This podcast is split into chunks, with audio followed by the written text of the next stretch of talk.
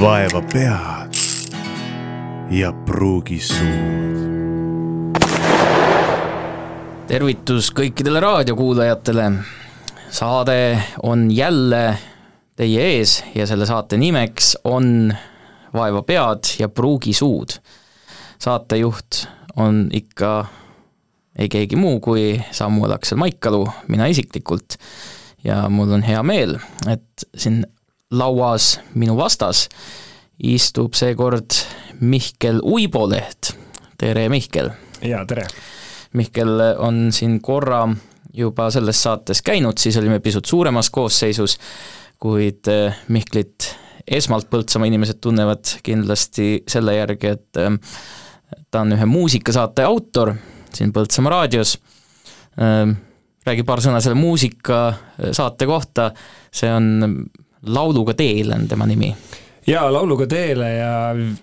sellel, sellel nii-öelda siis raadiohooajal on, on viies saade tulemas, nii et järjepidevalt on ta kavas olnud. Ja iga kord on selline tunniajane rännak kusagile, ehk siis äh, oleme käinud ümber maailma, oleme käinud äh, ilmaruumis, kosmoses, oleme käinud äh, armastuse radadel ja, ja, ja mujalgi, et, et sellised erinevad äh, temaatilised äh, laulu laulud olen sinna välja valinud alati saatesse ja igal on siis mingisugune lugu. et, et võib-olla see lugu on kõige olulisem, sest äh, selle saate üks selline juhtmõte on see, et äh, igal laulul on oma salakeel, mis meid elu muinasmaale viib. see on ühest Kuno Süvalepa laulust võetud fraas, mida ma siis igas saates ette, ette kannan, nii et selline väga, väga kihvt ja tore vaheldus, et tund aega olla mingil muul lainel kui, kui tavaliselt aga sa oled muidu selline kõrge lennuga inimene, et eh, siin igasuguseid vahvaid tiitleid võib panna, alustades siis Tartu Ülikoolist ja lõpetades eh, Eesti Jalgpalliliiduga. Eh, Mihkel on minu teada väga hinnatud inimene Tartu Ülikoolis, nägin, nägin midagi sellist, et kuskil viis õppejõudu või rohkem olid sind välja toonud, oli selline autahvel ja sina üksinda siis sattusid sinna kategooriasse nojah, et see kõige hullem loll on see aktiivne loll, eks ole, see, kes silma paistab kõige rohkem, et et tegelikult jah, ma õpin magistriõppes ajakirjandust ja kommunikatsiooni Tartus ja ja meil on selline hea traditsioon, et äh, magistri esimene kursus äh, korraldab siis meil instituudi Kevadgrilli ja seal Kevadgrillil siis võetakse aasta kokku, see on maikuus alati Juhan Peegli sünniaastapäeva läheduses seekord oli täpselt siis Juhan Peegli sünniaastapäeval ehk üheksateistkümnendal mail ja seal äh, siis jah, õppejõud äh, mainivad ära nende arvates siis aasta jooksul silma paistnud tudengeid, neid õppejõudusid on palju ja noh, palju tudengeid, kes saavad siis mainitud ja, ja seekord jah, kuidagi äh, läks nii, et, et mind oli kõige rohkem esile toodud, et ju ma siis oma oma, oma, oma sõnavõtmistega või, või aktiivsustega jäin silma, et eks kindlasti ka see Kevadgrilli korraldamine, mis, kus, mida ma eest vedasin koos koos paljude heade kursusekaaslastega, et, et see ka ilmselt natuke heas mõttes mõjutab seda, et, et kui nähakse, et, et on inimesed, kes lisaks tavalise õppe, õppetööle tahavad veel midagi instituudile, instituudi heaks teha või, või seda kuidagi seda meeleolu luua, et siis ilmselt noh, see on ka asi, mis, mis väärib tunnustust, aga mulle seal väga meeldib äh, nii, nii kogu see akadeemiline seltskond kui õhkkond, kui see süsteem, et võib-olla igas süsteemis, koolisüsteemis, ka muus süsteemis ehm, ka eri, ka ühiskonnas, et kui me tunnetame, et see süsteem on õiglane, siis me tahame sinna panustada. Ja, ja, ja ma pean ütlema, et mul see tunnetus on, on vägagi olemas ja, ja, ja üha kasvanud, nii et et see annab jõudu ja, ja tahet noh, teha midagi rohkemat kui lihtsalt õppida ja Jalgpalliliit on ka üks sinu nendest äh, märkidest seal rinnas, üks Tallinna sõber, kes kuulas äh, seda saadet, äh, meie eelmist saadet, kus sina osalesid, tervitused siinkohal, kohal Vahurile, ütles, et täitsa imestas, et näed, näen Mihkel Uibolehte, kes tavaliselt muidu räägib kogu aeg jalkast aga nüüd näed, on näha, et tal seal kahe kõrva vahel on miskit muud ka, et oli tore üllatus tema jaoks olnud. ja eks see noh, ilmselt on paljude inimestega niimoodi, et äh, on harjumatu, kui keegi võtab sõna teemal noh, olukorras, kus ta muidu räägib ainult ühest kindlast asjast, noh, ma ei tea, äh, mm, mul tuli esimesena meelde selline korüfee nagu Mati Kaal, kes on olnud nelikümmend pluss aastat, oli meie ajudes kui loomaaia direktor, eks ole, ja, selline loodusinimene, kujutame nüüd ette, et Mati Kaal võtaks sõna näiteks, ma ei tea, noh, selguks, et tal on mingi salapärane hobi, ma ei tea, automudelismiga tegeleks näiteks, hakkaks sel teemal sõna võtma, see tunduks nagu väga, väga kohatu, et mina olen augustis saab üheksateist aastat Jalgpalliliidus tegelikult juba töötamist, ma alustasin päris, päris noorelt, seitsmeteistaastasena, nii et, et ilmselt jah, paljude jaoks on see nagu, nagu kuidagi kontekstiväline, et, et veel mingil muul teemal, aga, aga ma arvan, et, et noh, ütleme just see ühiskonna ja meedia ja ajakirjanduse teema on, on mul võib-olla kõige südamelähedasem, nii et, et sel teemal ma hea meelega alati, alati äh, murran, murran pead ja, ja pruugin suud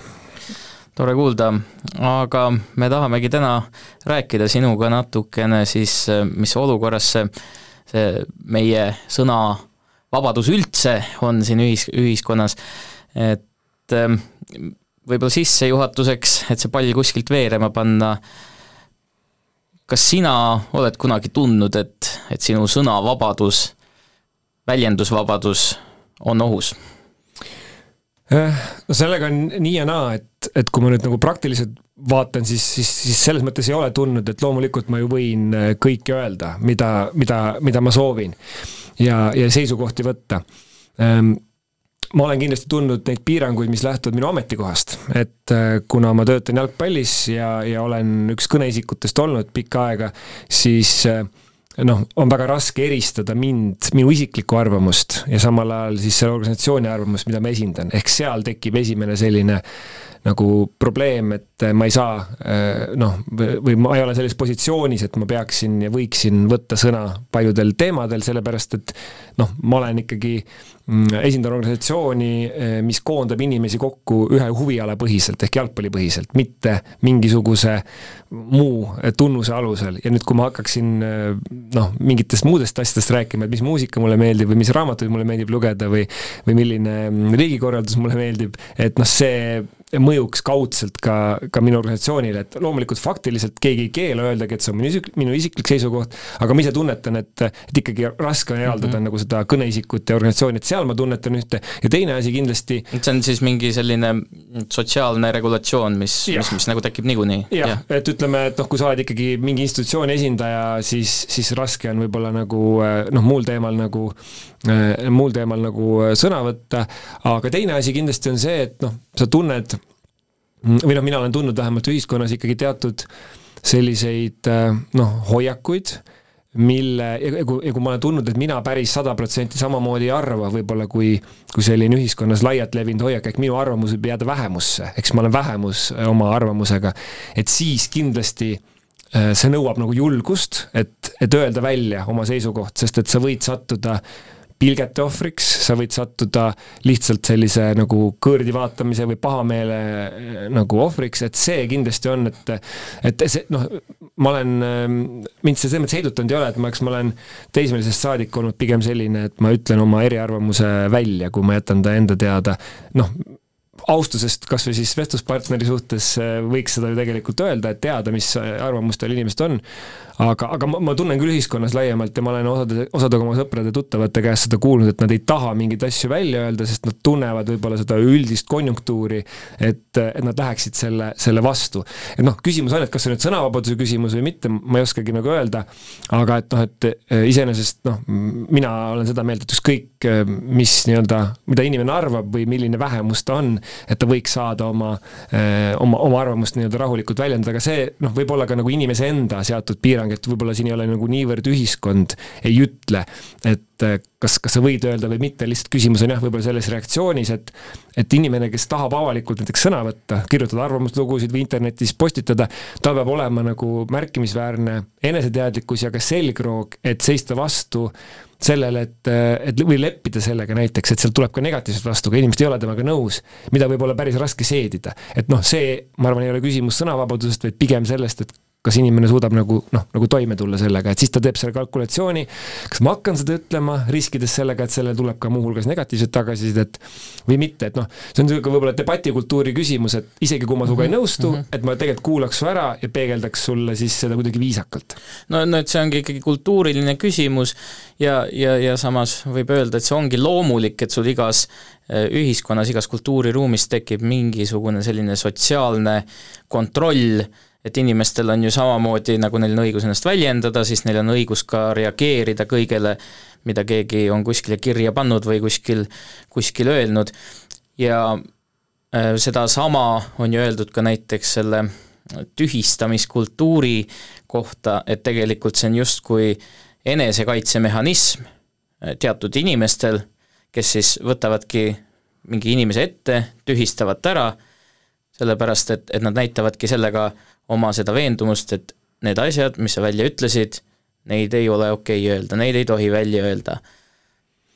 jah, et, et kuidas öelda, et ähm, jah, see, see tühistamiskultuur on üks, üks, üks omaette nähtus, et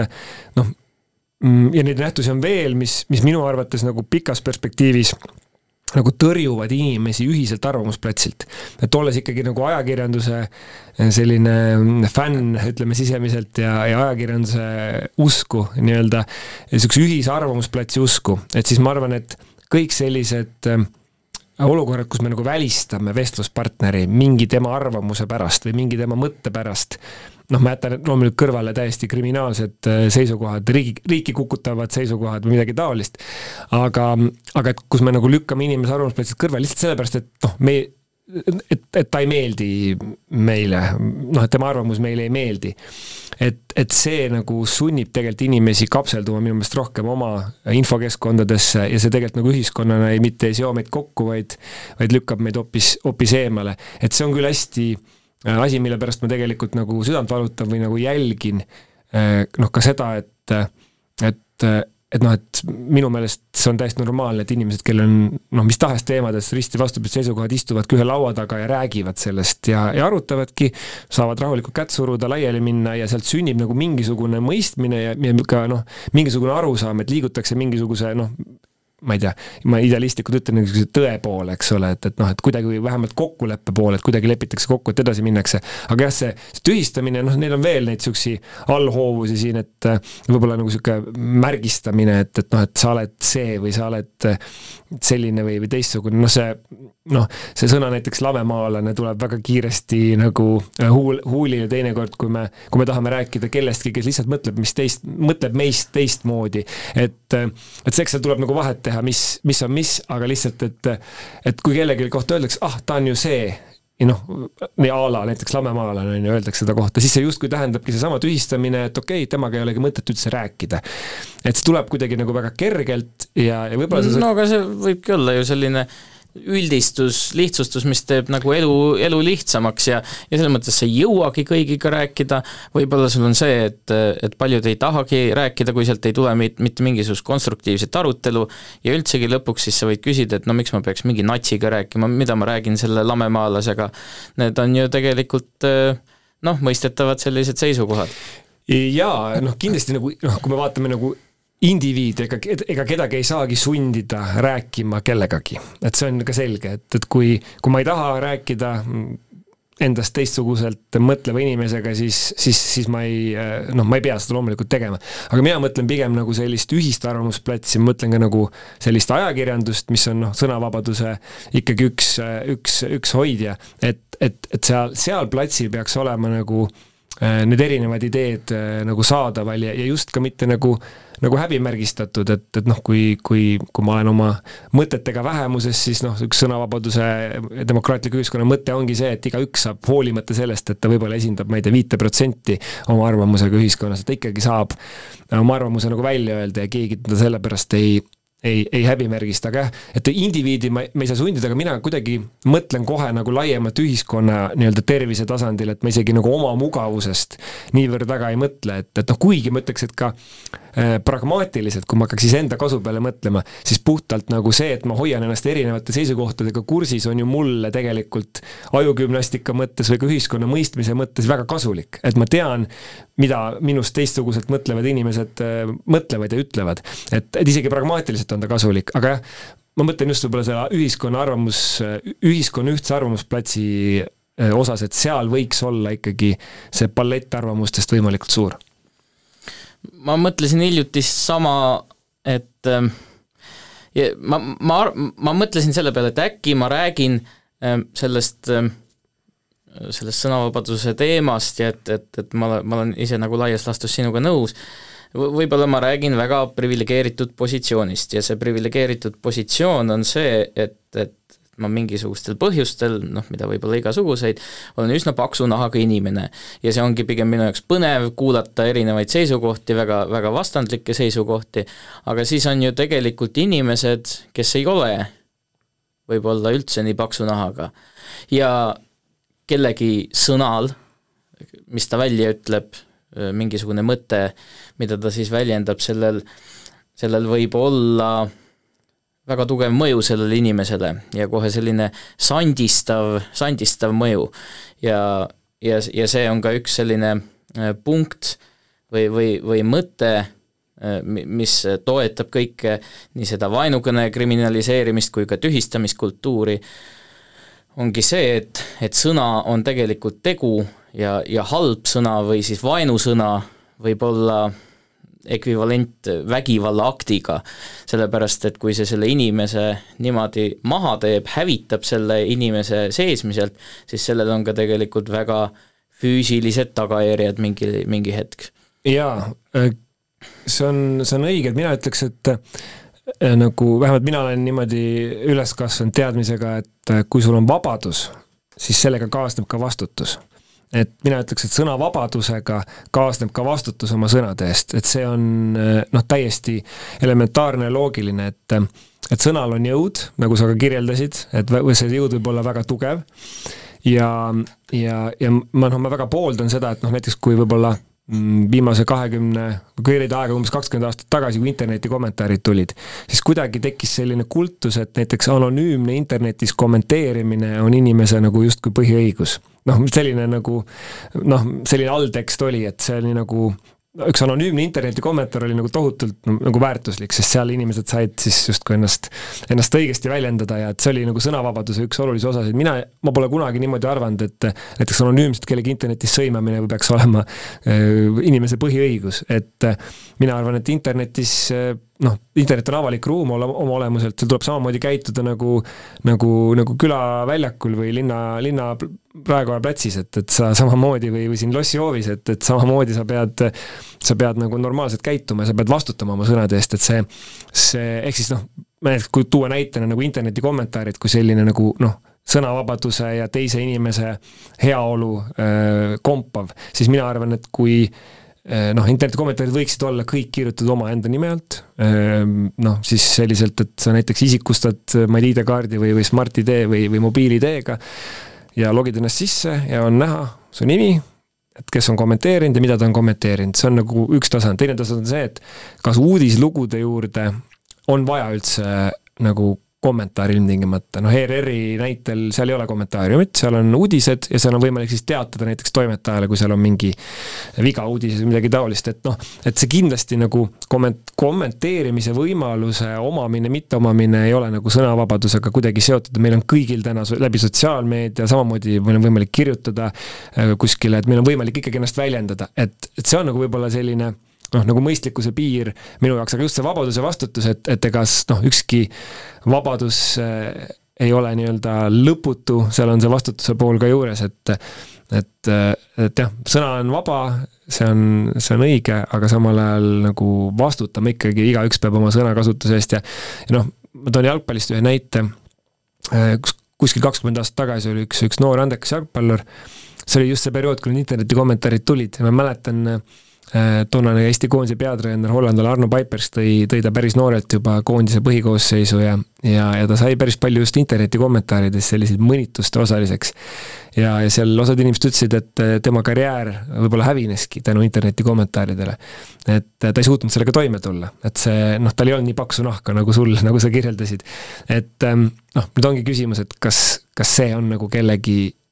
nagu õigus äh, just anonüümselt internetis nagu sõimata, sest jällegi, kui me paneme sinna inimese nime, identifitseerime ta, inimesed muutuvad kohe palju korrektsemaks ja, ja mõtlevad, mida nad ütlevad, et et, et jah, kuidagi, kuidagi selliselt. jah, anonüümsus on selles mõttes eraldi teema, on ju, ja, ja kusjuures väga huvitav, et sa selle sisse tõid, mina hiljuti kogesin seda anonüümsuse võlu, nimelt äh, ma avastasin, et eestlastel on oma Reddit ja siis ma tegin sinna kasutaja ja tegin sinna postituse. kui ma oleks palju kõvem mees, siis ma oleks selle postituse teinud näiteks oma Facebooki seinale, kus mul on üle tuhande kolmesaja sõbra. Ja ühtpidi jah, ma ütlesin küll seda, et ma paksu nahaga, aga teiseks ma mõtlesin seda, et ma ei, ma ei viitsi nagu oma tuttavaid kuidagi kedagi nagu välja vihastada või midagi sellist. kuigi see postitus jah, ta oli seal selle samasooliste abielu teemal ja ja tegelikult ta üritas lihtsalt nagu analüüsida eh,, miks nagu erinevad pooled ei saa üksteisega, üksteisega isegi nagu rääkida eh,, siis see juba seal vihastas päris paljusid inimesi välja eh,, ka täiesti selline neutraalne postitus, mis üritas nagu kõrvaltvaataja pilguga asjale kuidagi, kuidagi läheneda. See, see on, see on võib-olla nagu laiemalt äh, see küsimus, et ähm, äh, noh, seesama see Facebooki nii-öelda uudisvoog, mis meil tuleb oma, oma sõpruskonnast, et väga populaarne on ju praegu jääda küll sõbraks kellegagi nii-öelda formaalselt, aga lülitada siis tema uudisvoog enda, tema nii-öelda postitused enda uudisvoost välja. ehk siis, et et nagu ah, mulle ei meeldi, ma ei taha teda, ma ei taha seda lugeda, et, et see on nagu noh, jällegi see on sama nagu, kuna paljude jaoks tegelikult sotsiaalmeediakeskkond asendab sellist ajakirjandustarbimist, sest kui me vaatame neid numbreid, palju ajakirjandust loetakse, palju sotsiaalmeediat, siis kindlasti sotsiaalmeedias on rohkem, et see, see ikkagi see ühine arvamusplats, äh, kus on ka erinevaid arvamusi, et ma väga olen seda meelt, et, et, et nii-öelda noh, inimesed, kes, kes mõtlevad selle peale, et ah, ta arvab nii teistmoodi, et ma ei taha seda lugeda et, et jä, nagu proovige ikkagi endas seda seda tolerantsust kasvatada ka teistsuguste arvamuste suhtes ja, ja jätke see, jätke tema postitused oma uudisvoogu sisse, sellepärast et et, et siis te, noh muidu te ei teagi, kuidas on võimalik teistmoodi ka mõelda, mul on mhm, üks mm, -hmm. üks sõber, kes on aastaid lugenud äh, paberlehti selliselt, et ta teadlikult tellib kõik kolm paberlehte, ehk siis Postimehe, Päevalehe ja Õhtulehe, loeb nad kaanest kaaneni läbi igapäevaselt, teeb sinna oma märkmeid ja ta ütles, et, et loomulikult tal on omad eelistused, et noh, millist lehte ta nii-öelda kõige rohkem tahaks lugeda ja millist, millise lehe nii-öelda käekirjaga või maailmavaatega ta kõige rohkem ühtib. aga, aga ta ütles, et ma, ma, ma pean olema, ma tahan olla kõigega kursis, ma treenin ennast, et see on osa sellest, et ma oleksin nii-öelda ühiskonnaprotsessidest, saaksin nagu mitmekülgselt aru. Ja see on tegelik avatus, eks ju, selles mõttes, et tihti juhtub nii olema, et progressiivsema maailmavaatega inimesed armastavad kasutada sõna enda kohta avatud ja siis konservatiivid kuidagi väga vaikimisi aktsepteerivad seda, aga aga minu arvates tõeline avatus on see, et kui sa oledki mõlema poole või mitte isegi mõlema, neid pooli võib rohkem olla kui kaks äh, ideedele siis avatud. ja järgmine samm sellest edasi, mis sa kirjeldasid, kus sa lülitad nad uudisvoost välja, on see ka, mida tihti tehakse, et äh, näiteks reageerid kellegi mingisugusele postitusele, väljaütlemisele, ja peaaegu alati siis nagu teatatakse äh, sellest avalikult ka, ma nüüd eemaldan sind enda sõbralistist täielikult, nii et ei jäeta isegi seda inimest enda sõbralisti. jah, seesama nagu noh, nii-öelda avatuse küsimus ongi see, et kas, kas ma olen nagu päriselt tolerantne et see on, see on see küsimus, mida, mida tuleks äh, küsida enda käest ja no jällegi, ma ei räägi asjadest, mis on kriminaalsed, me ei pea tolereerima, kui keegi kedagi ära tapab või mm, -hmm. või, või, või, või varastab või, või mingeid taolisi koledusi teeb, loomulikult seda noh, selleks on ühiskonnal omad seadused ja, ja moraalinormid ja eetikanormid niikuinii, aga lihtsalt noh, nii-öelda mm, et, et, et iga, minu, minu võib-olla nagu selline mõte või soov on see, et iga eriarvamuse pärast ei arvataks, et see teine inimene on rumal ilmtingimata. või et noh, et, et, et tal on midagi viga, sest ta arvab teistmoodi, et ma, ma võin jällegi enda näite tuua siin. ma olen karsklane ja, ja ma olen olnud üks viisteist, viisteist, kuusteist aastat, umbes suurusjärk viisteist aastat äh, olen olnud karske. ja ma olen ka varem alkoholi tarvitanud äh, mõõdukalt äh, ja, ja ja siis ma mäletan seda hetke ka, kui, kui ma lõpetasin täielikult alkoholi tarvitamise ja minu käest küsiti ka mingil hetkel siis, et aga et mis juhtus või, või mis sul viga on, küsiti mingil hetkel. ja siis nagu sa mõtled, et kui äraspidine küsimus see mõnes mõttes on, et ma ei joo alkoholi, järelikult mul peab midagi viga olema kas vastupidi ei võiks küsida, et see inimene, kes joob alkoholi, et äkki tal on hoopis midagi viga. niimoodi me ühiskonnas ei küsi. ja, ja nagu sama on nüüd selle teistmoodi arvamisega, et ma tegin midagi, mis oli nagu massist erines ja järelikult ma sain kohe nagu märgistatud. Ja mul oli selleks vaja päris palju nagu eneseteadlikkust ja emotsionaalset jõudu selleks, et noh, olla nii-öelda eristuda massist. ja sama on arvamusega, et kui ma tahan nii-öelda jutumärkides eristuda või olla kar-, olla karske oma arvamusega, ehk siis tahan noh, arvata midagi teistmoodi kui, kui see, mis parasjagu näiteks lehes kirjutatakse või, või uudistesaatest kuulen, siis, siis mul peab nagu noh, et, et me ei, me ei vaataks nagu seda kõrvalt seda inimest niimoodi, et aga mis tal viga on. aga võib-olla tal ei ole midagi viga, võib-olla ta lihtsalt arvab teistmoodi, tal on mingi teine arvamus, kuulame ta ära ja, ja, ja võib-olla ta isegi veenab meid mõnes, mõnes asjas, et ta võib ollagi nagu mõnes asjas õigus, et et, et kuidagi see, jah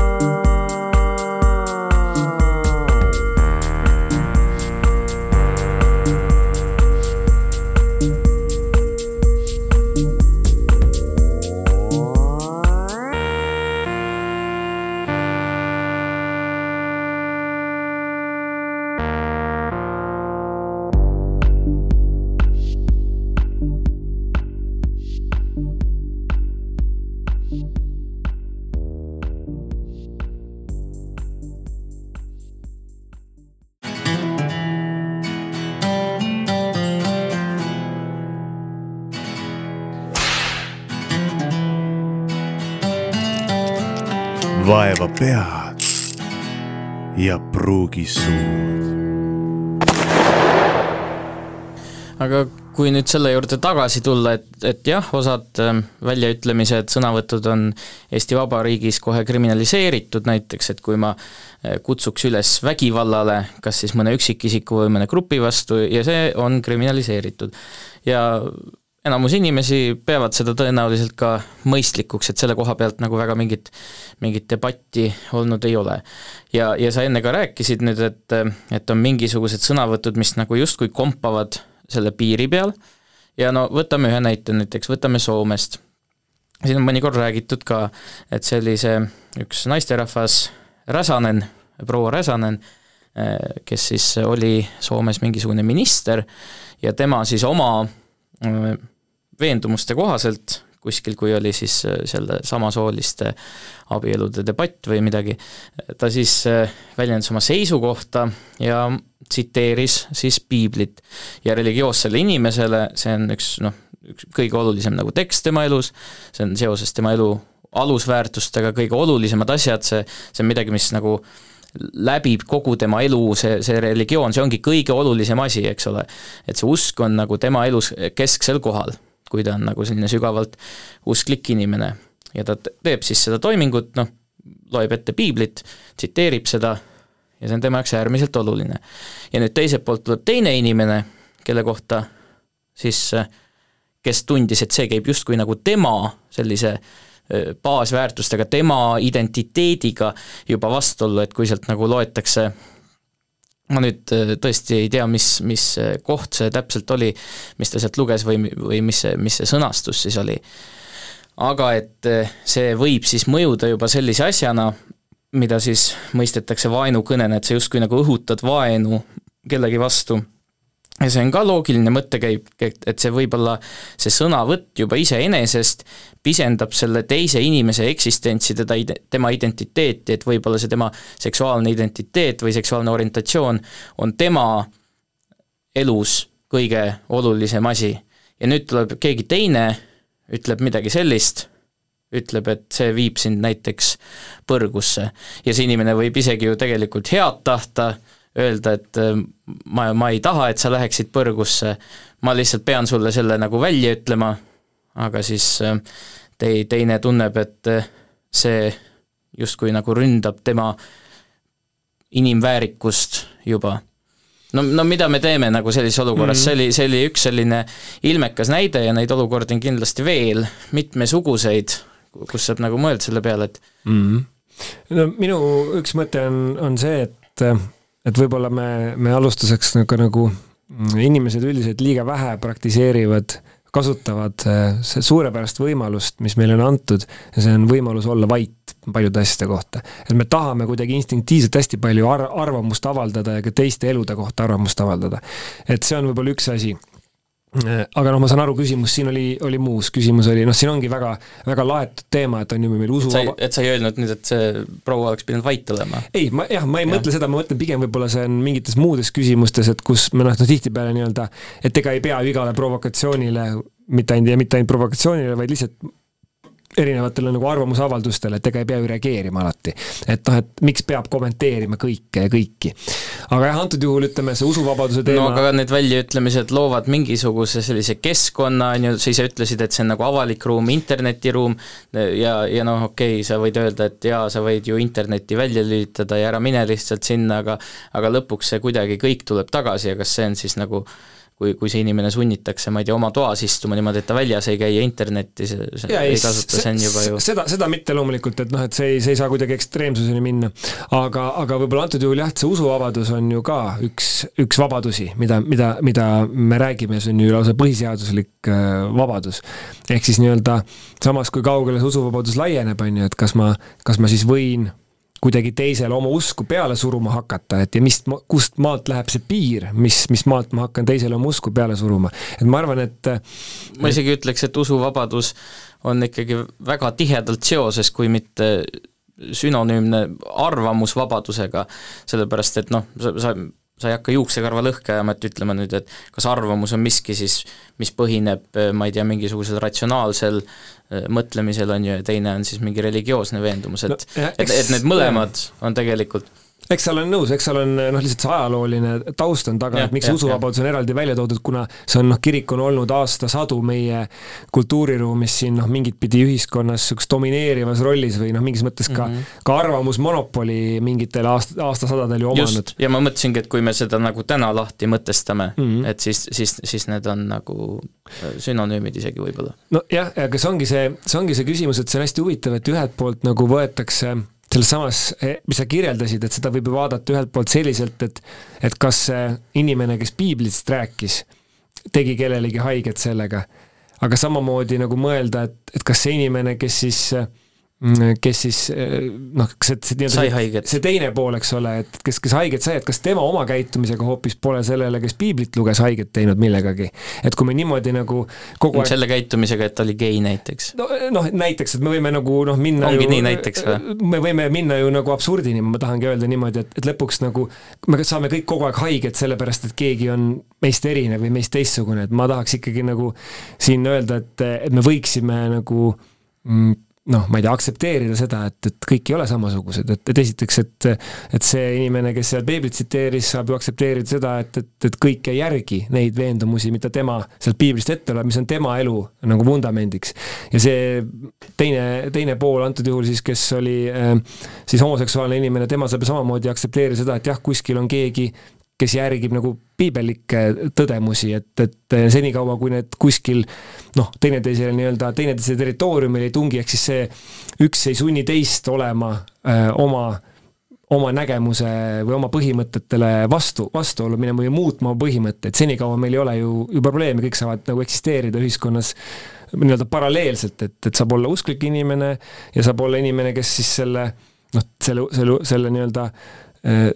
uskliku inimese arvates läheb tema, tema usuga nagu vastuollu või, või tema, tema tõekspidamistega läheb nagu vastuollu, et, et aga nii-öelda jällegi ühiskonna mõttes ei lähe vastuollu, sest ühiskonnas tegelikult on ju, on ju reeglid kokku lepitud, et, et, et, et, et, et selles ei ole midagi imelikku, see on, see on, see on normaalne tegevus, kui kui, kui inimesed valivad endale mitte, mitte ainult vastassoost partnereid, vaid, vaid ka samast soost partnereid, et see ongi võib-olla lõpuks see, see võti selles, et kuidas nagu kuidas nagu liikuda nagu ühiskonnas nagu eh, üheskoos edasi, aga, aga mitte selliselt, et et oleks ambitsioon suruda kedagi samasuguseks, nagu mina olen. et, et kui ma olen nii-öelda, loomulikult kui ma näiteks, ma ei tea, usklik inimene, loomulikult ma võin ju, ju pakkuda, et noh, et, et kas keegi soovib ka minu usku tulla, sellepärast et et, et siin on sellised, sellised ma ei tea, väärtused või, või, või eetilised kaalutlused või, või miks, miks on see hea. Aga kui inimesed seda ei soovi, ega me ei saa ju seda nagu, nagu neile peale suruda, et ma mõtlen lihtsalt selles mõttes, et kõike saab ju nagu noh, mõistuse piires, mõistuse piires teha, ma jällegi ei tea seda konkreetset näidet, mis sa tõid, et kui väga seal siis mm, kedagi nagu suruti midagi tegema või, või, või, või ahistati nii-öelda, aga noh, teoorias lihtsalt ma mõtlen, et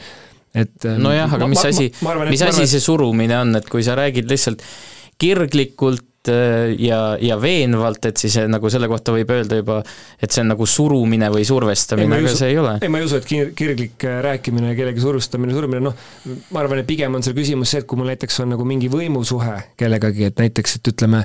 noh, ma ei tea, minu alluvuses töötavad inimesed, kes mõtlevad minust teistmoodi ja ma siis üritan, üritan ja. neid nagu kuidagi mõjutada või survestada selleks, et või kui ma järjepidevalt nojah, okei okay,, aga kuidas sa siis noh, sa ei saagi, mis, mis survestamine või, või kui tähendab, ta võib olla, noh, ta on mingi poliitik, on ju, ja poliitikud lihtsalt ütlevadki oma seisukohti välja ja esmalt juba sellepärast, et nad kompavad, otsivad omale valijaid kuskilt, et on inimesed, kellele noh, need poliitiku seisukohad on sümpaatsed ja ja siis nemast, temast saavad, nendest saavad ka siis nagu tema valijad eelduslikult, on ju. ja, ja, ja, ja mis see siis noh, et, et see, et see, et see ei olnud isegi nendele, et see ei olnud isegi nendele inimestele nagu suunatud tõenäoliselt, aga kui ma nüüd üritan sulle vastu vaielda, mõtlen, mis see vastuargument võiks olla, ongi see, et, et küsimus ei olegi selle kellegi survestamises, kellegi muutmises, vaid küsimus ongi ikkagi selles avalikus ruumis, eh, mida mida me loome. Ja, ja, ja võiks ka öelda sulle, et noh, sa, Mihkel, oled, äh, sa oled mingi valge heteromees ja nii edasi, on ju, ja sa ei olegi tundnud sellist äh, õudsat asja, et, et, et sinu identiteet on kellelgi nagu kahtluse all, et kujuta näiteks ette, kui iga päev, kui sa lähed oma kodunt välja, sa kõnnid tänaval ja need inimesed vaatavad sind ja mõtlevad, et okei okay,, see, see on ikka friik, ta vist ikkagi ei ole nagu päris võrdväärne inimene nagu meie ja sa tajud seda pilkudest ära, sa tead, et kuskil on mingid sõnavõtud, sa võib-olla noh, sa, sa ei saa ennast nagu lahti lõigata, sa ei saa hakata mingiks erakuks või nagu amishiks, eks ole. No, või no teoreetiliselt saad, aga, aga no see ei ole nüüd see asi. no kui ma, kui no, ma, kui ma toon enda selle alkoholivõrdluse siia juurde, et, et noh, kui, kui ma tunnetaksin niimoodi, et iga alkoholipudel, mis ma kuskil näen, eh, on, on justkui nagu minu vastu suunatud tegevus, et, et või, või nagu, et noh, et, et ma nagu sellepärast oma alkoholi tarvita, ühes eh, alkoholisõbralikumas ühiskonnas Euroopas eh, olen, eks ole, et, et loomulikult ma võin noh, kui ma tunneksin niimoodi, siis ma võiksin tõesti ju, see võiks väga, väga raske olla. aga samas noh, me peame lähtuma sellest, et ühiskond on midagi kollektiivselt kokku leppinud, mingisugused raamid, noh, et kuidas me nagu tegutseme, et, et seal raamides noh, ma pean nagu suutma nagu toimetada ja, ja mul on, mul on, ma ütleks, julgeks öelda küll, mul on nagu mitmeid asju, mis mulle noh, on väga sümpaatsed ühiskonnas ja mul on ka mitmeid asju, mis mul ei ole sümpaatsed ühiskonnas ja kust ma noh, ma, ma ei trügi näiteks mingitele näiteks ka ka mingitele sündmustele, mingitele üritustele, mis on väga populaarsed, kuhu, kus inimesed väga palju käivad näiteks, aga ma ei lähe sinna, ma tean, et noh, see, see ei meeldi mulle seal ja ma hoian sellest nagu teadlikult ennast täiesti eemale, aga, aga noh, kui ühiskonna enamus soovib sinna minna või, või suur hulk ühiskonnaliikmeid, no palun, see võimalus on, et ma ei, ma ei tunne, et see nagu noh, ma peaksin kuidagi nagu, et see solvaks nagu mind, et ühiskonna enamus joob alkoholi näiteks väga, väga, mõned joovad ka väga palju alkoholi, et, et see kuidagi mind nagu solvaks või mind nagu, nagu puudutaks, samal ajal noh, see on, see on nagu see võtmeküsimus võib-olla, et kus see nagu mõistlikkuse piir on, ehk siis sama see näide sellest, see Soome näide, mis sa tõid, on ju, siis et, et kus see läheb, kes see ütleb, on ju, et kus see läheb, see piir, et millal sa nii-öelda siis surud peale kellelegi midagi ja millal on see lihtsalt sinu sõnavabadus ja vabadus öelda ja vabadus ka öelda seda, et ma ei ole nõus näiteks sinu arvamusega. et et see on nagu võtmekoht, et, et lõpuks paneb selle paika nagu mingid piirini nagu seadusandlus, aga mingi piirini ka lihtsalt ühiskonna nagu arvamus, arvamuskultuur. Ja ma, ma nagu tahaks seda, et, et see noh, mõttevahetuskultuur oleks võimalikult nagu äh, ikkagi lai spektrum, ehk siis me tolereeriks võimalikult palju, aga samal ajal, et see nagu toon, see, seda vestlust pidades ei oleks selline, et noh, ma välistan, ja, ja minu arust see välistamisega lähebki see emotsioon läheb hästi tugevaks, et kui ma hakkan kedagi nagu teistsugust nagu välistama, selle asemel, et proovida, proovida nagu, nagu mõista, et, et nagu hukkamõistmine versus mõistmine teema, et, et hukka mõista ilmselt on, on on palju lihtsam kui, kui mõista mingites olukordades, et, et see võib-olla loob selle silla, aga jah, nagu seda institutsiooni, noh, see ongi võib-olla lõpuks siis kohus, eks ole, kes, kes otsustab, et kas keegi nüüd tegi kellelegi liiga või mitte ja, ja nagu ma arvan, et see on ühiskonnas ka nagu muutuv, et, et see ilmselt, mis noh, ma vaatan näiteks huumorit, et see, mis kakskümmend, kolmkümmend aastat tagasi Eesti huumoris oli täiesti nagu okei okay,, see täna, kui sellega praegu välja tuldaks, siis äh, paljud asjad ei oleks täna enam ühiskonnas no äh, kohus ikkagi praeguse seisuga võtab äh, väga spetsiifilisi teemasid, et üks nendest on ju noh, laim, millega ta tegeleb, on ju, et sa lood kellegist vale kuvandi, ja teine ongi siis äh, vaenukõne, vägivallale kutsumine, aga, aga mind hämmastas ka kusjuures see, et, et mõned juristid teinekord räägivad, et inimesel on õigus mitte solvuda. näiteks Carri Ginter ütles kuskil sellise, sellise huvitava mõtte välja ma ei ole isegi seda lugenud, kas sa oskad seda täpsemalt lahti selgitada, mis tähendab õigus mitte solvuda, ma isegi vot mul tekkis seesama küsimus, sest, sest seal oli niimoodi, et ajakirjandus või ajakirjanik küsis talt lihtsalt ja et kas siis äh, inimene peab solvuma või kas inimesel ei ole siis õigust mitte solvuda, siis Carri Ginter ütles, et muidugi inimesel on õigus noh mm., nagu mitte saada solvatud, noh mingisuguses kontekstis. okei okay., nojah, et see on noh, jah, need piirid lähevad nagu mingil hetkel nagu nagu väga, väga häguseks, et ähm,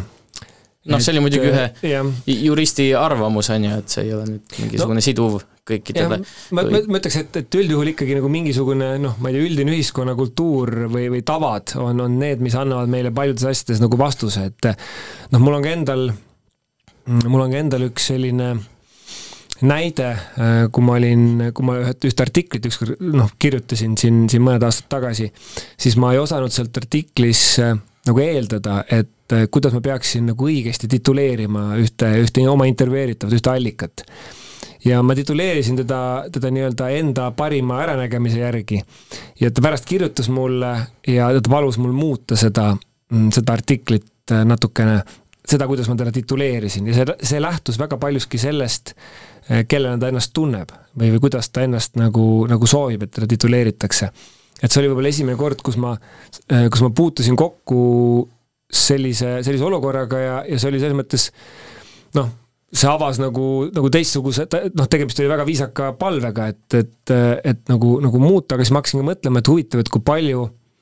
kui palju veel on selliseid inimesi, kes, kes, kes soovivad nii-öelda seda, kellena neid esitletakse. antud juhul siis noh, me räägime soost, eks ole, eelkõige, et,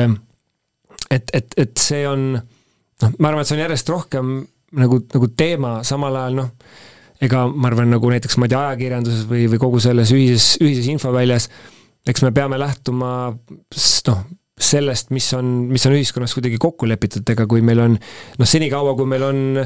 on mingisugused, mingisugused kokkulepped ja tavad, siis, siis see on parim asi, mis me teha saame, et me ei, meil ei ole võimalik päris nagu personaliseeritud inforuumi kõikidele luua, sest noh, vastasel korral äh, meil ei olegi nagu niisugust ühist arvamusplatsi, aga mulle tundubki, et me liigume järjest rohkem sinna personaliseeritud inforuumi suunas, sest et noh, igaüks tahab luua nii-öelda selle maksimaalselt mugava inforuumi. et ma arvangi, et nagu näiteks see inforuum, mis meile vastu vaatab, et ta ei peagi olema ilmtingimata meile mugav ja me ei peagi olema ilmtingimata nõus kõigi nende arvamustega, mis sealt vastu kaevad. et see on ka nagu noh, ma ütleks siis nagu sõnavabaduse üks osa, et me, meil on nagu võime taluda noh, ka nagu äh, ma ei tea, siis ka võime, võime taluda teistsugust arvamust või siis ka nagu mingis mõttes pidada niisugust nagu debatti, kohati võib-olla tulist debatti, vastakat, vastakat seisukohtadega debatti, aga siiski nagu seda, seda pidada, et see on nagu võib-olla selle sõnavabaduse nagu, nagu teine pool, et, et et, et ongi see võib-olla see vastutuse pool, et kui ma saan nagu välja öelda, ma vastutan oma sõnade eest, aga samal ajal ma, ma vastutan ka tegelikult selle eest, et ma kuidagi nagu hoomaks seda ühiskonda terviklikult mm. -hmm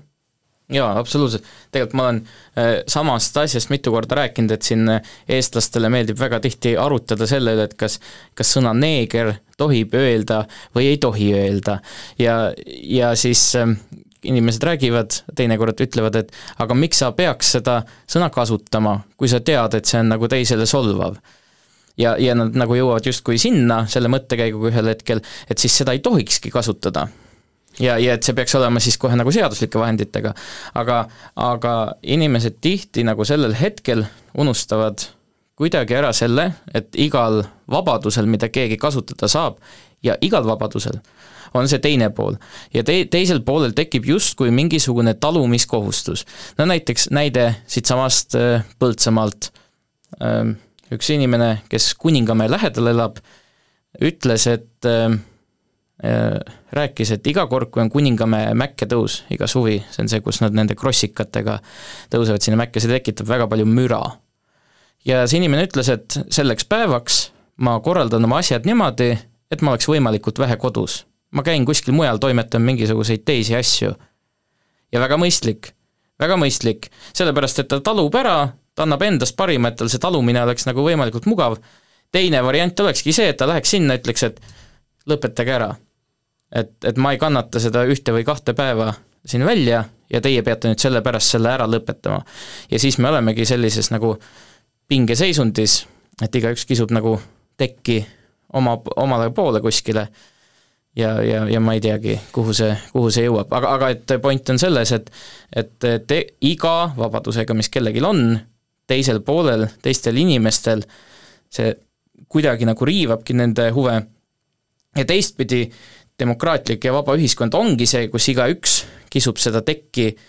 natukene enda poole ja keegi ei saa päriselt sada protsenti seda, mida ta tahab, aga keegi ei jää päris ilma ka. Ja minu arust see motokrossi näide on nagu väga hea näide, et see võib-olla läheb kokku selle lausega või selle mõttega, et kui igaüks meist teeks oma elu natukene keerulisemaks, siis oleks kõigil meil tunduvalt lihtsam elada. et see on natuke selline, ongi noh, selline võib-olla egokeskne versus ülesandekeskne ühiskonna vaatamine, et kas, kas on see, et ma taon vastu rinda ja ütlen, et minul peab olema iga päev täpselt niimoodi ja noh, ma ei arvesta tegelikult ühiskonnaga enda ümber või inimestega enda ümber. või nagu sa kirjeldasid minu arust väga hästi, et, et saan aru sellest, et noh, on see üks päev aastas, võib-olla neid päevi on kümme, võib-olla on kakskümmend päeva aastas, kus ma pean mingeid mööndusi tegema. on see siis, ma ei tea, liikluses kas või noh, ma ei tea, Tallinna liiklus praegu on, on, on paljudel teemaks, kuna seal on väga palju teetöid noh, jah, ma ei tea, kas peab selle pärast endast välja minema tohutult, et, et noh, jah, teetööd on ja, ja ega, ega keegi noh, et, et kuidagi nagu võtta seda, võttagi selle selliselt, et see on jah, tõepoolest ebamugav, aga, aga, aga noh, see on, see on need mõned, mõned, mõned ajad või mõned päevad või, või on see aasta või pool, palju seal need teetööd käivad, et et see on ju lõpuks selle elukeskkonna äh, parandamise, parandamise nimel, ega liiklusvoo parandamise nimel, see, see, mis seal tehakse, et et võib-olla natuke sama on igasuguste suurüritustega. et eriti väiksemates kohtades, et et kus öeldakse, et, et noh, meil võiks siin ikka midagi toimuda ka ja siis mingil hetkel toimubki tohutud suured üritused ja siis mingi hetk öeldakse, et ei no võiks ikka vähem toimuda, et siin me ei, kõik kohad on kinni ja et ma ei tea, pääsesid läbi ja nii edasi, et et see ongi nagu selline noh, natukene nagu nokk kinni, saba lahti, et ühelt poolt tahetakse nagu et oleks üritused, teiselt poolt ei olda nõus nagu natukenegi nagu ennast nagu kollektiivse eesmärgi nimel panustama. et võib-olla see ongi niisugune nagu noh, ma, ma arvan, see on nagu sama nagu see ikkagi sama nagu inforuumiga, et me liigume nagu nii-öelda see individualism peegeldub väga paljuski ka selles nagu inforuumis ja siis meile noh, tekibki tunne, et et nii-öelda see individualism viib selleni, et aga mina võin oma sõnavabadust nagu maksimaalselt kasutada, ehk siis äärmusteni kasutada, ehk siis nagu noh, kuni solvanguteni kasutada kuni nii-öelda ebamõistlikkuseni kasutada. aga näed, keegi teine minu kallal küll ei tohi seda kasutada, et see kuidagi on selline noh, et ma nopin välja ainult äh, nagu need head osad elust ja kõik need nagu nagu halvad osad elust või need osad, mis nõuaksid nagu mingisuguse negatiivsusega tegemist, väiksest, väikest stressifooni, et neid ma üritan nagu elus blokkida. et minu meelest nagu noh, võib-olla see on selline nagu kaasaegne ettekujutus, aga, aga noh, ma ei tea, elu ilma stressita, stressivaba elu, murevaba elu nullnegatiivsusega elu, et niisugust asja pole olemas, et see ei ole elu, see on noh, mingi fiktsioon, et selles mõttes, et terviklik elu ongi see, et sa, sul on ka teatud kogus neid asju, noh, mida sa pead lihtsalt nagu manageerima ja mida sa pead aru saama mõistusega ja kuidagi nagu, nagu ära võtma, et see käib, see käib täiesti nagu tavaliselt elu juurde. jah, ma arvan, et abiks võiks ka olla selline äh, paradigma muutus nagu selles osas, et et kuidas me üldse nagu teisi inimesi mõistame ja see, see nõuab nüüd ülisuurt e-, empaatiat ja, ja teise inimese mõistmist, mis, mis viiks selle nagu avatuseni, aga et iga inimese puhul mõelda seda, ükskõik mida ta oma suust siis nagu välja ajab, vähemalt mina üritan mõelda niimoodi, et sellel inimesel on mingisugune oma lugu, tal on mingisugused omad kogemused, miks ta on selles kohas, kus ta praegu on ja, ja, ja arvamused, seisukohad, veendumused ja uskumused, need on tihti, need on tihti suhteliselt äh, juhuslikud, juhuslikud asjad. Ja ma olen äh, toonud äh, siis teinekord koolis abiturientidele tundi andes sellise näite, mille tõi üks ülikooli õppejõud Andres Kangur kunagi, kui ta rääkis usku, uskumustest ja ta tõi sellise näite, et kui sulle kõnniks tänaval vastu inimene, noh, sina kõnnid seda trajektoori mööda, mida sa alati kõnnid oma kodulinnas, ja sul tuleb vastu inimene, sa ei tea, kes see inimene on, selline suht Harju keskmine tegelane, eks, ja ütleb sulle, kuule, ära sinnapoole mine, et seal üks elevant jookseb mööda tänavat ringi.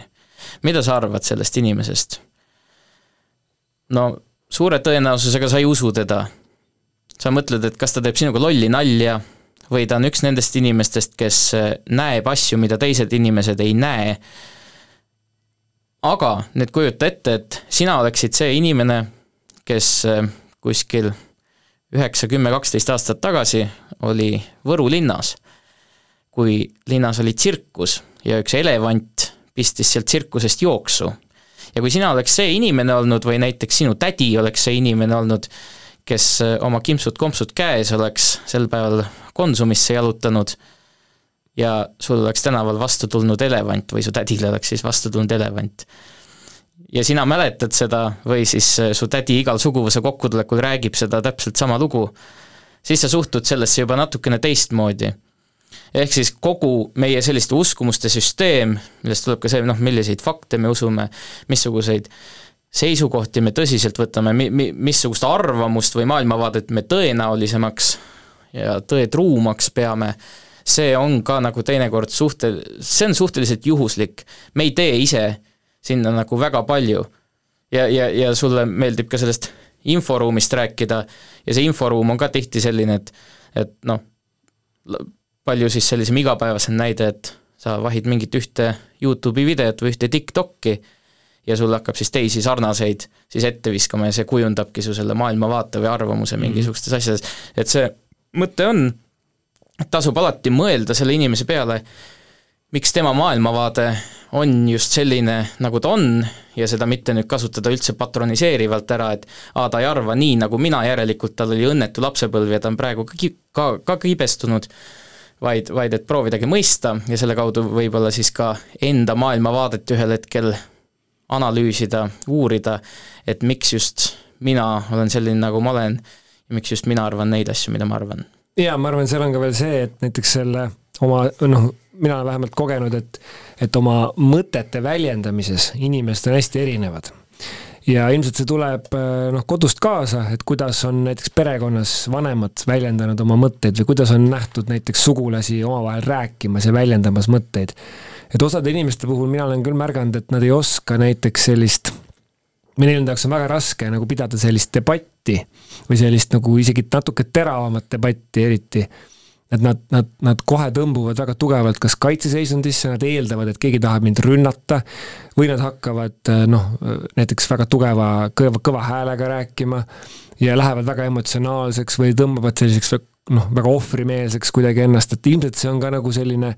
noh, debatikultuur, mida on võib-olla kodus nähtud, vanematevaheline dünaamika näiteks või midagi taolist, et et, et siin on ka natukene seda, et, et kui me eriti, kui me nagu noh, näeme või lähme vestlusesse inimesega, keda me võib-olla lähemalt ei tunne või vähe tunneme, et siis seal on eriti see noh, see, see hetk, et, et nagu vaatleja, mõtle, et okei okay,,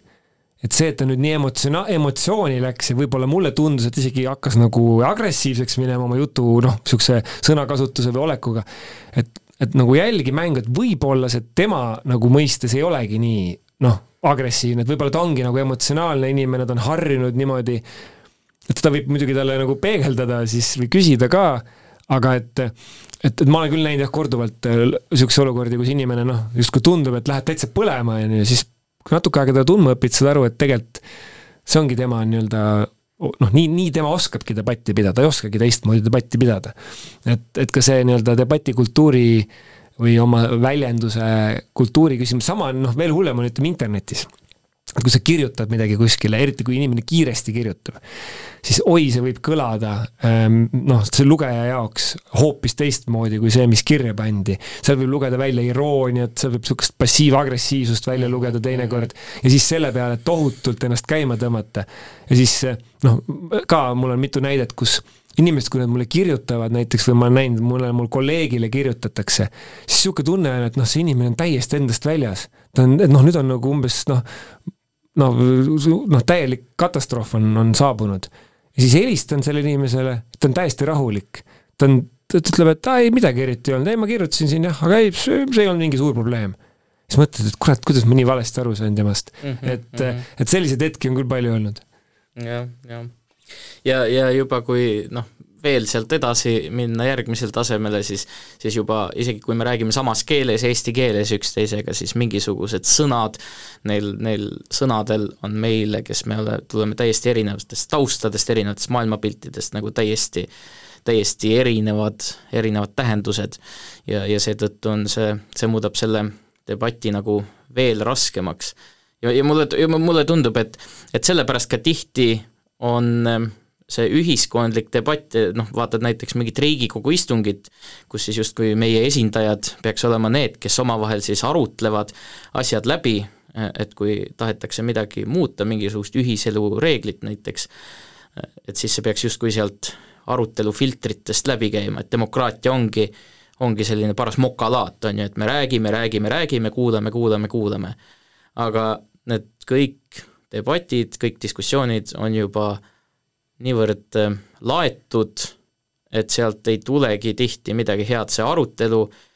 on meil paraku väga tihti ebakvaliteetne ja see nagu algabki juba sellest, et inimesed nagu teatud sõnu kasutavad, mõistavad erinevat moodi ja kõik see muu juurde nüüd, millest me rääkisime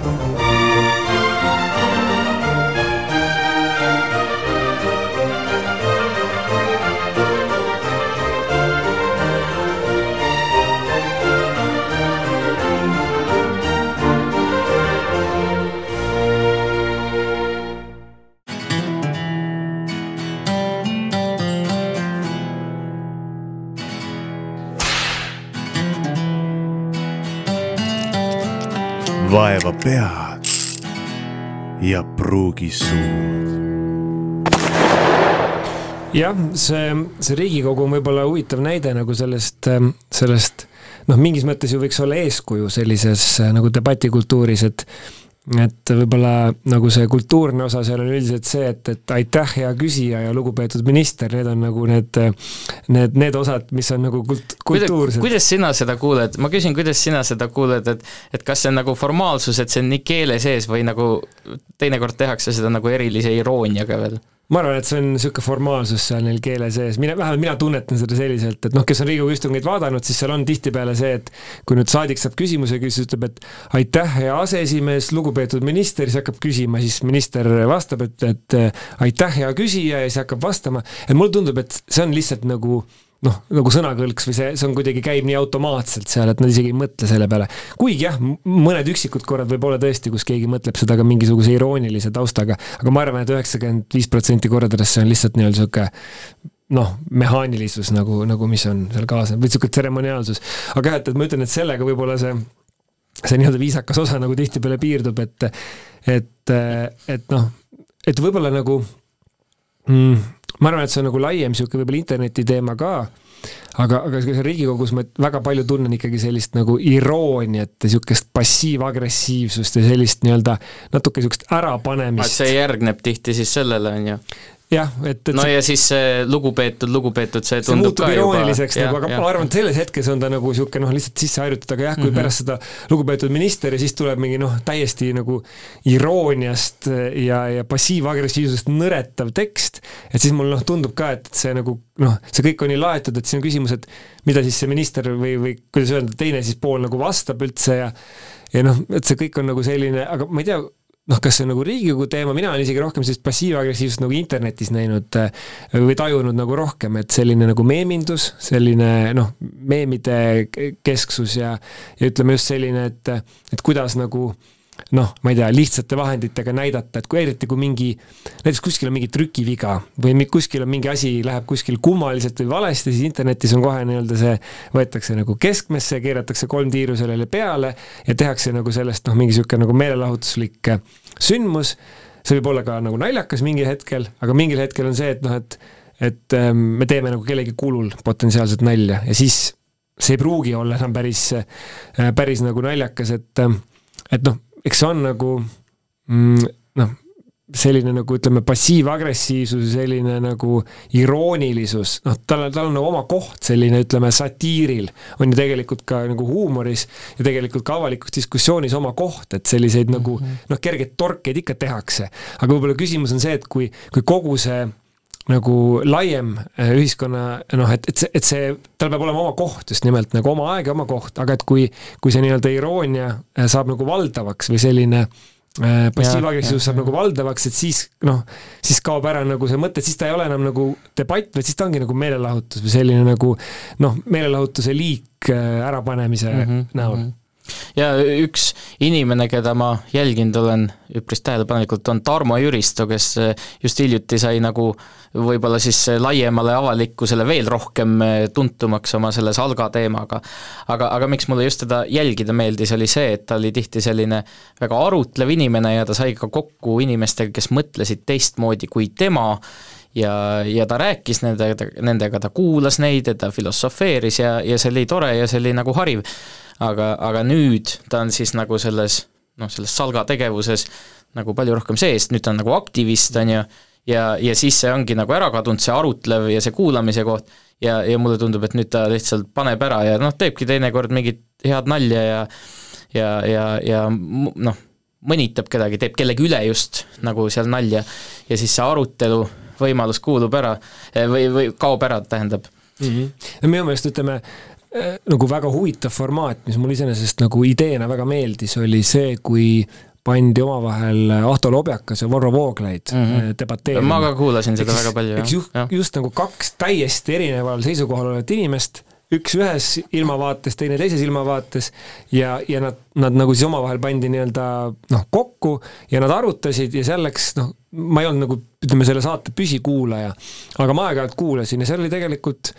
nagu noh, selles mõttes ta oli päris huvitav, et just see fakt, et sul on kaks va täiesti vastandlikku maailmavaadet ja nad on ühes ruumis ja nad räägivad omavahel intelligentselt, rahulikult, tasakaalukalt, keegi ei sõima kedagi, keegi ei loobi kedagi mingite loosungitega, vaid räägiti tegelikult asjast, üks rääkis, kuidas tema arvab, teine rääkis, kuidas tema arvab, mul oli hea mitte seisukohta võtta, sest et ma ei ole nii-öelda kummagi äh, jutumärkides valija, eks ole, aga, aga ma sain ma sain nagu, ma sain põnevat diskussiooni kuulata, ütleme siis niimoodi, et mul oli nagu mul oli huvitav nagu, nagu kuulata ja just see fakt, et minu meelest nagu, et, et sa võid olla nagu diametraalselt erineval seisukohal, aga, aga sa, sa oled võimeline ühe nii-öelda laua taha tulema, kätt suruma, silma vaatama ja mitte solvama teineteist, et see nagu ideena mulle väga meeldis. Mina olin selle saate püsikuulaja ja ma olen vist kõik osad sealt ära kuulanud. Ja, ja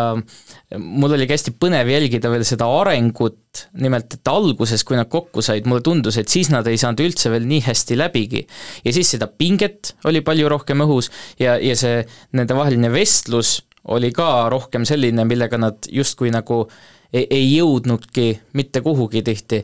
ehm, seal mit-, mitte, et noh, iga vestlusega peaks nüüd kuskile jõudma, mis on mingisugune ühine seisukoht, aga no see oli ebakvaliteetsem laias laastus. ja oligi põnev jälgida seda arengut, kuidas nad tulid kokku, nad rääkisid, nad nagu mõistsid rohkem teineteist, muidugi mulle tundus, et nad olid võib-olla sellised olemuselt ka natukene sarnased isikud, et peale vaatad pikad, kõhnad, kiilakad, tõsised mehed mõlemad. Ja, ja siis nad tulevad kokku ja räägivad ja, ja siis neil tekkis, nad leidsid ka selliseid teemasid, kus nad olid nagu täiesti ühel meelel, tegid, tegid selliseid saateid ja see oli nagu, see oli tõsiselt huvitav saade. Ja ma ei tea, kas meil on üldse Eestis praegu mingisugust saadet, mis oleks nagu sellele võrdne, kus, kus niivõrd kardinaalselt erinevate maailmavaadetega inimesed räägiks üksteisega ja, ja kuulaks teineteist. Jaa, ei, ei, ei ütle küll, et oleks, vähemalt ei tule ette. Ja selles mõttes ma arvan, sellest on nagu noh, nagu puudus, et noh, sama sarnastel seisukohtadel, seisukohtadel olevate inimestega võib ikka ju koos istuda ja nii-öelda juttu rääkida, aga just selline nagu see formaat on noh, just, et tal on nagu oma mingi pinge ja, ja ma arvan, et see nagu noh, see peaks ju andma ka selle nii-öelda looma selle silla, meil oli just äh, laulupidu rääki- või tantsupidu rääkis sildadest, eks ole, sildade äh, loomisest, et siis, äh, siis, siis see loob ju omad sillad et, ka see inimene, kes, kes muidu on ühe või teise, on ta siis Lobeka või Vooglaiu nagu selja taga oma arvamustega, et tema saab rahulikult mõelda, et okei okay,, ma ei pea olema või noh, nii-öelda see on ka mingis mõttes õpetus sellest, et kuidas nagu siis seda silda ehitada või silda luua ka iseenda sees teist, teistsuguste mõtetega ja võib-olla sealt toppida siis enda jaoks ma ei tea, uusi mõtteid või, või natukene nagu täiust, täiustada oma, oma, oma mõtlemist, et et jah, niisugust formaati võiks olla, noh, noh, sest noh, vastandlikud seisukohad loomulikult on poliitsaadetes, aga seal on ta rohkem ikkagi paraku nagu selline loosunglikkus ronib ka sinna sisse, on väga sisukaid poliitsaateid ka muidugi, see sõltub väga palju osalejatest, natuke sõltub ka saatejuhtidest, aga, aga, aga noh, neid on pigem ikkagi vähe, et ma julgeks öelda, et niisugune seitsekümmend, kaheksakümmend protsenti nendest poliitsaadetest on ikkagi selline noh, loh-, rohkem mm -hmm. loosunglikkus mm -hmm. ja, ja kakskümmend, kolmkümmend protsenti võib-olla, kus, kus me saame nagu sellist noh -hmm., maailmavaatelist debatti pidada. istuvad koos ja, ja masseerivad üksteise õlgu piltlikult öeldes, et et see on nagu mõnus tegevus, aga, aga tihti ta ainult, aga ta, tal nagu sellist noh, arengut justkui nagu tihti, tihti seal, seal ei ole. ja, ja ma tahtsin sellesama saate kohta veel öelda seda, et ähm, kui ma jälgisin seda protsessi, siis äh, seda teed, mida nad siis koos läbi käisid, siis mulle tundus, et neil äh, kasvas ka mingisugune selline austus või teatud nagu respekt üksteise vastu. ja tasub meelde tuletada, et nad olid mõlemad need inimesed, kes olid nagu noh, sa juba ütlesid, nad olid täiesti erinevates äärmustes ja nad olid ka nagu ikka räigelt puid pannud teisele poolele. väga, väga inetuid asju öelnud nagu teise poole kohta, on ju. korralik kiht oli all, et mõlemad olid ju arvamusartikleid avaldanud ja ka mingites saadetes esinenud juba, juba noh, varem nii-öelda. et selles mõttes see oli natuke selline nagu võib-olla noh, leppimise akt oma olemuselt. aga võib-olla see näitab ka seda, et see ei olegi nüüd võimalik, no me, me oleme kõik inimesed lõppude lõpuks me oleme kõik inimesed ja see ei olegi võimalik, et me tuleme nüüd ühe või kaks korda kokku kuskil seal debati formaadis, kus veel teinekord lastakse, ma ei tea, mingisugune üks või kaks minutit sõnavõtuks, vaid et sa peadki selle inimesega konstantselt rääkima, mõtlema kuidagi temaga nagu kaasa elama, võib-olla isegi mingeid teisi asju koos tegema. nii et mina olen nagu just enda puhul kogenud seda, et, et kõige, üks kõige arendavamaid kogemusi on see, kui ma leian omale sõbra, kes on erineva maailmavaatega ja ma näen, kuidas ta elab ja, ja, ja me jagame üksteisele oma elusid ja, ja see on selline väga tähendusrikas ja sul, sul tekib ka kogemus. Mhm. empaatia mm -hmm. ja seesama noh, vaata, mis me rääkisime siin sellest inforuumist, oleme rääkinud, et mida rohkem ma nagu blokin seda teistsugust inforuumi, seda rohkem, seda vähem mul tekib seda empaatiat, et ja just noh, kui ma süvenengi ainult pealkirja tasandil sinna, siis see nii-öelda see pikem saade, saateformaat, kus siis Lobekas ja Vooglaid pidid vastastikku süvenema teineteise nagu maailmavaatesse, et noh, see nagu loob seda silda nagu päriselt noh, reaalselt, et selles mõttes on äh, on, on jah, see nii-öelda no see on nagu treening mõnes mõttes. jah, aga kas nüüd alati on nagu tore rääkida sellest, mis peaks tegema, aga kas siis äh, on meil mingisuguseid lahendusi ka päriselt või et kuidas me võiks, äh, võiks siis äh, rohkem üksteist kuulata, üksteist mõista, kuidas seda nagu päriselt teha praktikas, mingisuguseid konkreetseid lahendusi, kas kuskil süsteemis midagi muuta või peamegi lihtsalt lootma sellele, et ähm, iga indiviid leiaks enda sees selle soone ja, ja otsustaks, et ma tahan nüüd muutuda, teistmoodi käituda. Jaa, eks kindlasti igast inimesest algab see, see, see pihta, et noh, mida meie saame teha, ongi kuulata ikkagi erinevaid arvamusi, olla avatud sellele ja olla tolerantne igasuguste arvamuste suhtes, ka need, mis on, ka need, mis on nii-öelda vähemuses olevad. ja noh, teine asi kindlasti noh, me saame tõsta arvamuskultuuri ja seda saavad teha ka näiteks ajakirjandusväljaanded, seesama anonüümsete kommentaaride näiteks asendamine siis isikustatud kommentaaridega näiteks, võiks olla üks, üks äh, selle debati osa, ajakirjanikud näitavad vägagi eeskuju sellega, mida nad ise avaldavad ja kuidas nad ka näiteks sotsiaalmeedias käituvad. et see on, see on üks asi, et noh, mida me paiskame sotsiaalmeediasse, mida me paiskame ajakirjandusse, see kõik kasvatab seda äh, debatikultuuri. Ja noh, ikkagi see,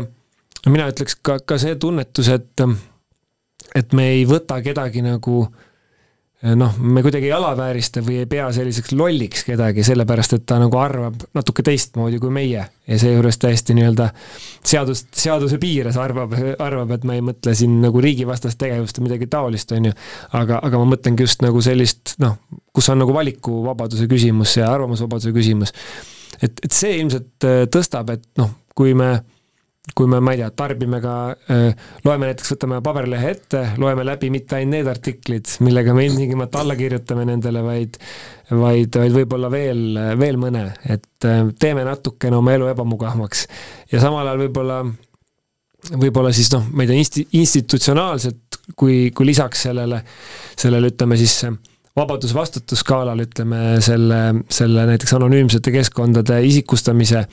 et mida institutsionaalselt veel võiks, võiks ja saaks ja, ja teha. see vastutus ei pea ju olema ainult, kui sa ütled, et need on isikulised kommentaarid, et see ei pea olema mingisugune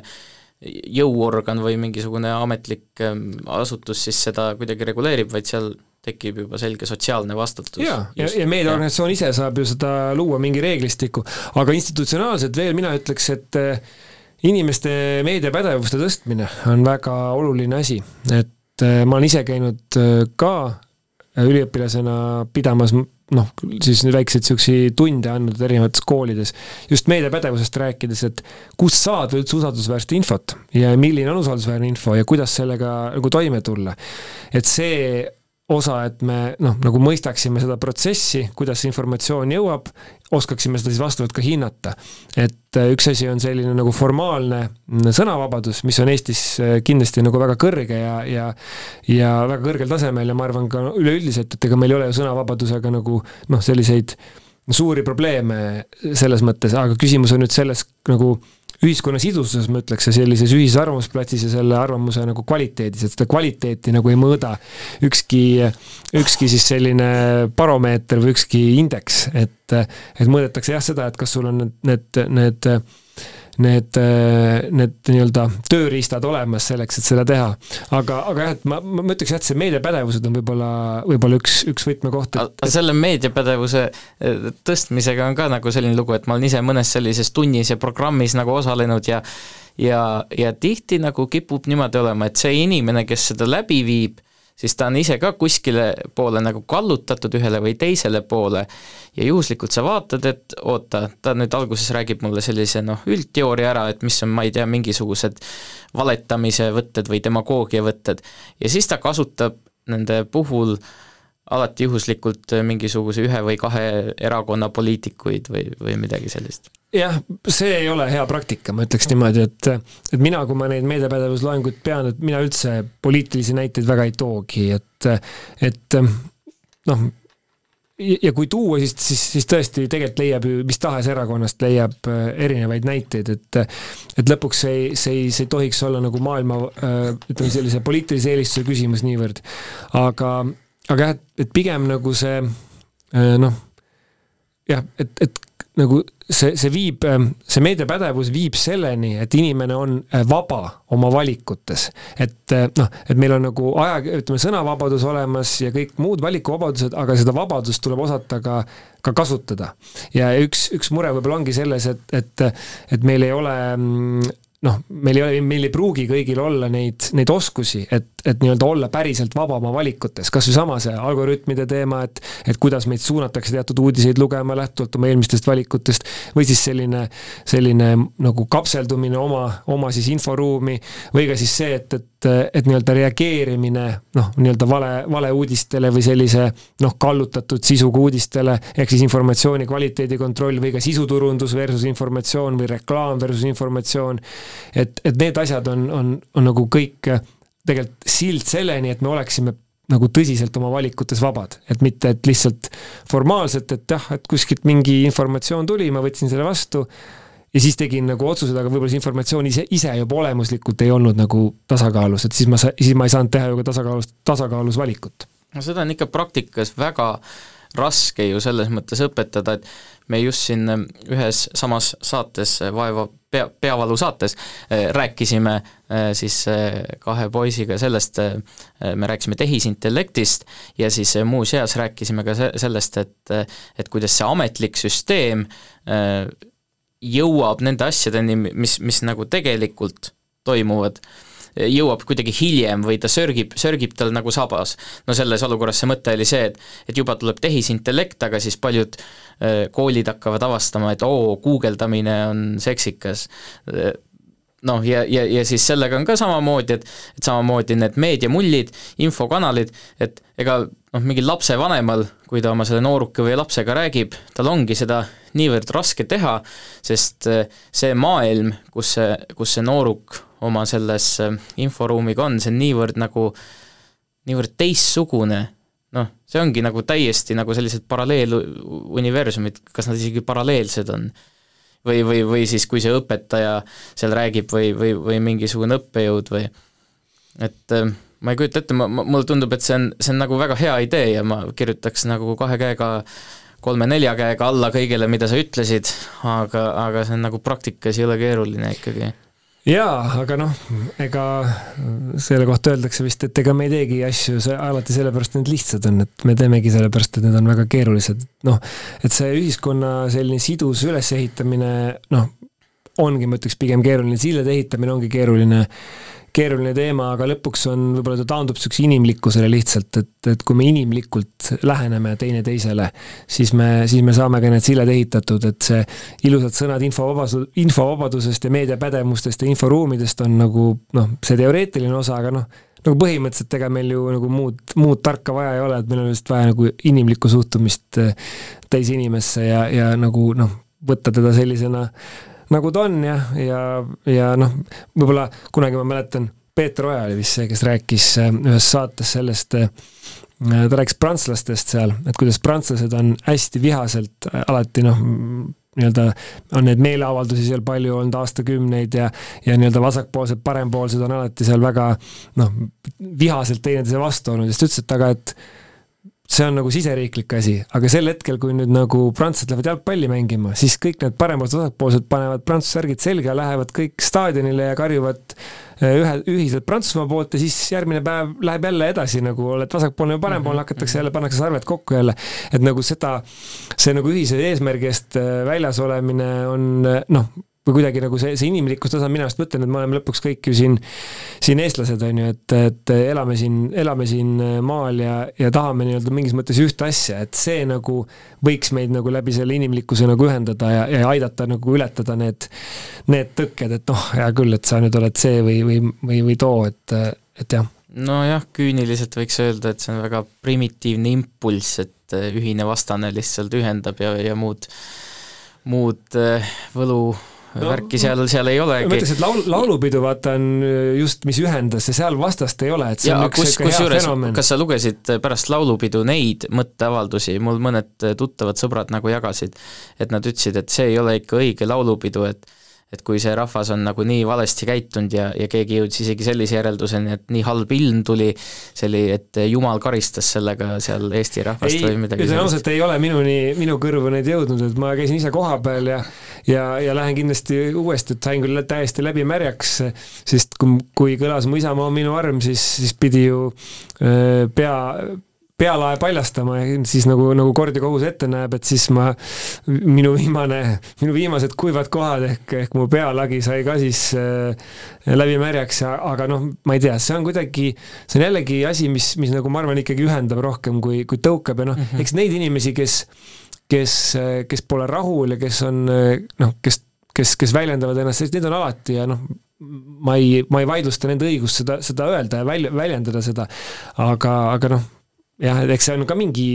noh, see on kindlasti mingi signaal, et ei ole niimoodi, et kõik on hurraaga nüüd yeah. laulu peal, aga, aga noh, küsimus on proportsioonis, et kui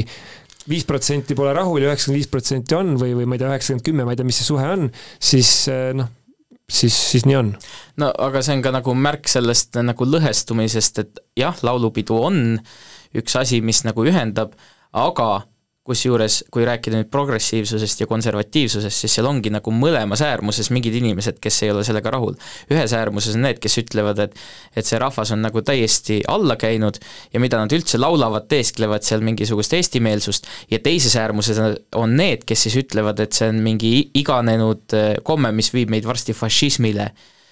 ja, ja need ongi nagu kaks äärmust. Ja, ja, ja ma tahtsingi enne mainida, sa tuletasid mulle selle oma jutuga meelde, et, et kui me nagu räägime sellest, ähm, sellest läbi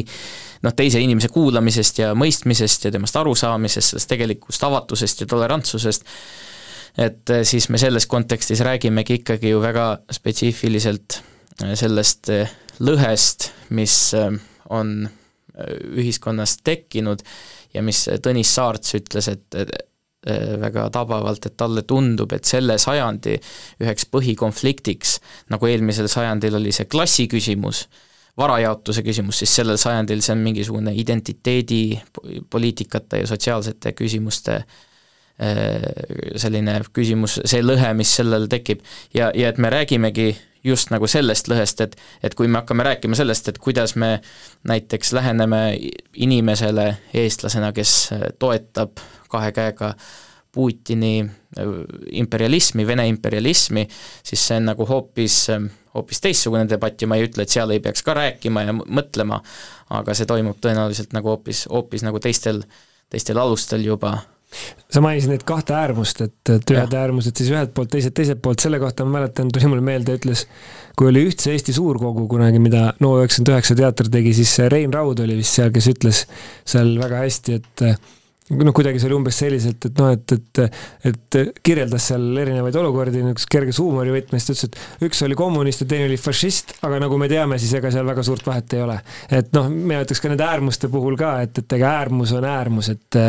mõlemad, noh, et nendel äärmustel tihtipeale nagu suurt vahet ei olegi, et et võib-olla värvivahe on natukene, et me teame ju sa, et Stalini ja Hitleril nagu väga suurt sisulist vahet ei olnud, et seal oli võib-olla sümboolika vahe ainult eh, noh, laias laastus, et mõlemad olid ühed, ühed, ühed ütleme siis noh, koledad, koledad inimesed, kui niimoodi väga-väga tagasihoidlikult öelda. no ma ei tea, kas ma olen selle mõttega päris nõus, et no nii Stalini ja Hitleri puhul kui nagu tänaste selle äärmuste puhul, et see on selline tore üldistus, et et, et hea, et me omavahel saame rääkida ja siis need mingid inimesed nagu kuidagi kõrvale jätta ja, ja neid mitte kuulata aga oi, noh, see, nüüd ei olnud nagu selles mõttes, et ei peaks kuulama, aga ma mõtlen pigem just selle koha pealt, et et neis on sarnasusi, see oli mu mõte. ei nojah, sellepärast, sest nad äh, mõlemad kuskilt pidi vastanduvad mingisugusele mainstream'ile. nad vastanduvad sellele ja, ja seal võivad olla mingisugused sarnased meetodid, et täpselt nagu Stalin ja Hitler mõlemad äh, tegid massimõrva, eks, see on sarnane meetod, aga aga mingisugune ideoloogiline sisu, põhimõtted on nagu erinevad, nojah, muidugi kindlasti, sa võid vaielda, et kindlasti. see taandub ikkagi nende mingisugusele sügavale inimimpulsile no, ja isikukultused ja, ja asjad seal nende puhul. ja et neil on mingisugused isikujooned ja noh, mida iganes, on ju. aga, aga jah, ma arvan, see ongi hea koht, kus see, kus see vestlus lõpetada. mul on alati pärast neid vestluseid justkui nagu selline tunne, et et kas oleks pidanud nagu kuhugi jõudma või midagi nagu konkreetselt konkreetselt ära lahendama või midagi sellist, sina oled sõnaosav mees, eh, palun ütle ise midagi tähendusrikast ja ilusat selle saate, saate lõppu. Mina tahaks üles kutsuda inimesi oma arvamust avaldama ja tegema seda kultuurselt ja, ja viisakalt ja, ja vestluspartnerist lugupidavalt. ma arvangi, et selliste vestlustega ega ei peagi jõudma sinna kuskile lõpp-punkti või lõpptõeni. mina arvan, et näiteks inimesed võiksid augustis jõuda Paidesse Arvamusfestivalile, kus on väga tore alati käia ja nagu sa ka enne ütlesid, et neid jututubasid nii-öelda demokraatias on väga palju, me räägime väga palju, et Arvamusfestival on minu arust üks nendest kohtadest, kus saab mõelda, kus saab olla ja, ja tegelikult nagu mõelda on vaja, kui ma siin refer-, või ütleme, viitan siis näiteks, ma ei tea, Jaan Arule või Valdur Mikitale, kes on väga palju rääkinud sellisest molutamisest ja mõtlemisest ja selle, selle olulisusest, siis siis kuna me oleme, hoiame oma aju kogu aeg väga palju aktiivsena, et siis, siis selleks need arvamused nagu läbi seedida ja kuskile mõtteni jõuda, mingi väärtusliku mõtteni, mida tegelikult siis ka välja öelda, et selleks tuleb nagu noh, ka natuke teisi kuulata ja natuke ka ise mõelda ja, ja võib-olla natuke ka molutada vahepeal, nii et näiteks Arvamusfestival on üks selline väga, väga tore koht aga Mihkel Uiboleht, aitäh, et äh, võtsid kutse vastu siin täna minuga pajatada natuke ühest, natuke teisest. aitäh, et kutsusid! ja saade oli Vaeva pead ja pruugi suud, te kuulate jätkuvalt Põltsamaa raadiot, mina olen ikka Samuel Aksel Maikalu ning äh, rääkisin siin täna Mihkel Uibolehega, tänud kuulamast! Vaeva pead ja pruugi suud